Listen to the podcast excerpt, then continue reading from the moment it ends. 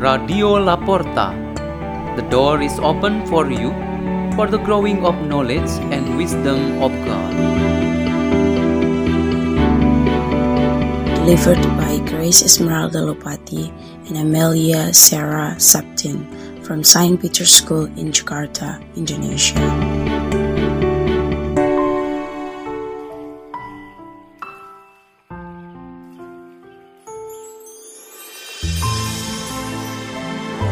Reading and meditation on the Word God on Thursday of the second week of Lent, March 17th, 2022.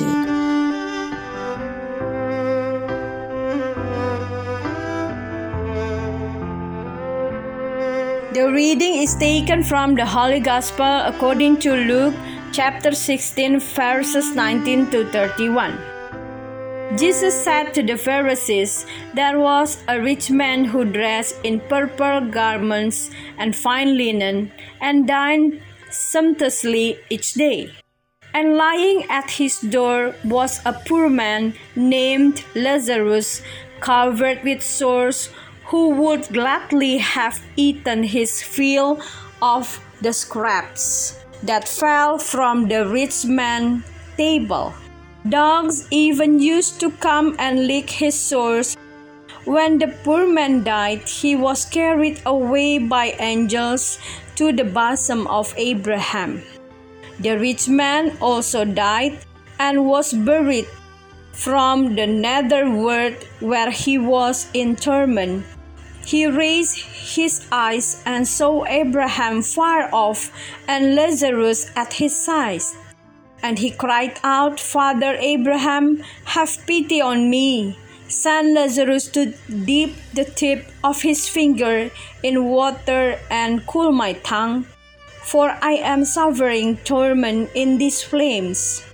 Abraham replied, My child, remember that you received what was good during your lifetime, while Lazarus likewise received what was bad. But now he is comforted here, whereas you are tormented. Moreover, between us and you a great chasm is established to prevent anyone from crossing who might wish to go from our side to yours or from your side to ours. He said, Then I beg you, Father, send him to my father's house for I have five brothers, so that he may warn them, lest they too come to this place of torment. But Abraham replied, They have Moses and the prophets, let them listen to them. He said, Oh no, Father Abraham, but if someone from the dead goes to them, they will repent. Then Abraham said, if they will not listen to Moses and the prophets, neither will they be persuaded if someone should rise from the dead. The Gospel of the Lord.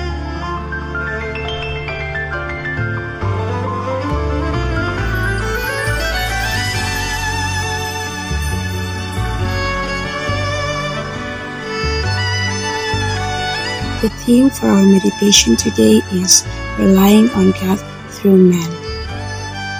The famous story of Lazarus and the rich man who has no name has an interesting catechetical lesson. This story is useful to enrich our learning about relying full on God on the one hand, and on the other hand, depending ourselves on the kindness of our fellow man where God's love also worked. Lazarus shone as a person with a very limited possibilities to sustain his life in the world. In according with our standard of faith, God should have used the rich man to help Lazarus, but this did not happen.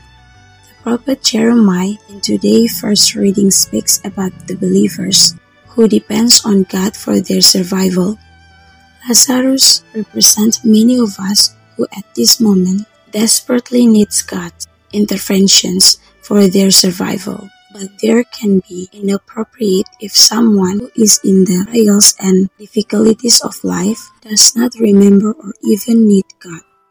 Lazarus and many others in the same situation always exist on this world. They live with others fellow men who are more fortunate or those who have enough for daily living. The evangelist Mark says in his Gospel, The poor are always with you. Mark 14, verse 3. We can see things like this in a local parish. This territorial church always has same segment of her members who lives are considered poor and abandoned. The church then has a special pastoral care that gives attention to them, and this help aim to improve their life and eradicate poverty collection and donation regularly made in the parish. One of their purpose is certainly for the poor and needy ones. This illustration is enough clear to explain that the Lazarus type of people in our minds, both inside and outside the church, depends on God through their fellow men who extend their hands to help and support.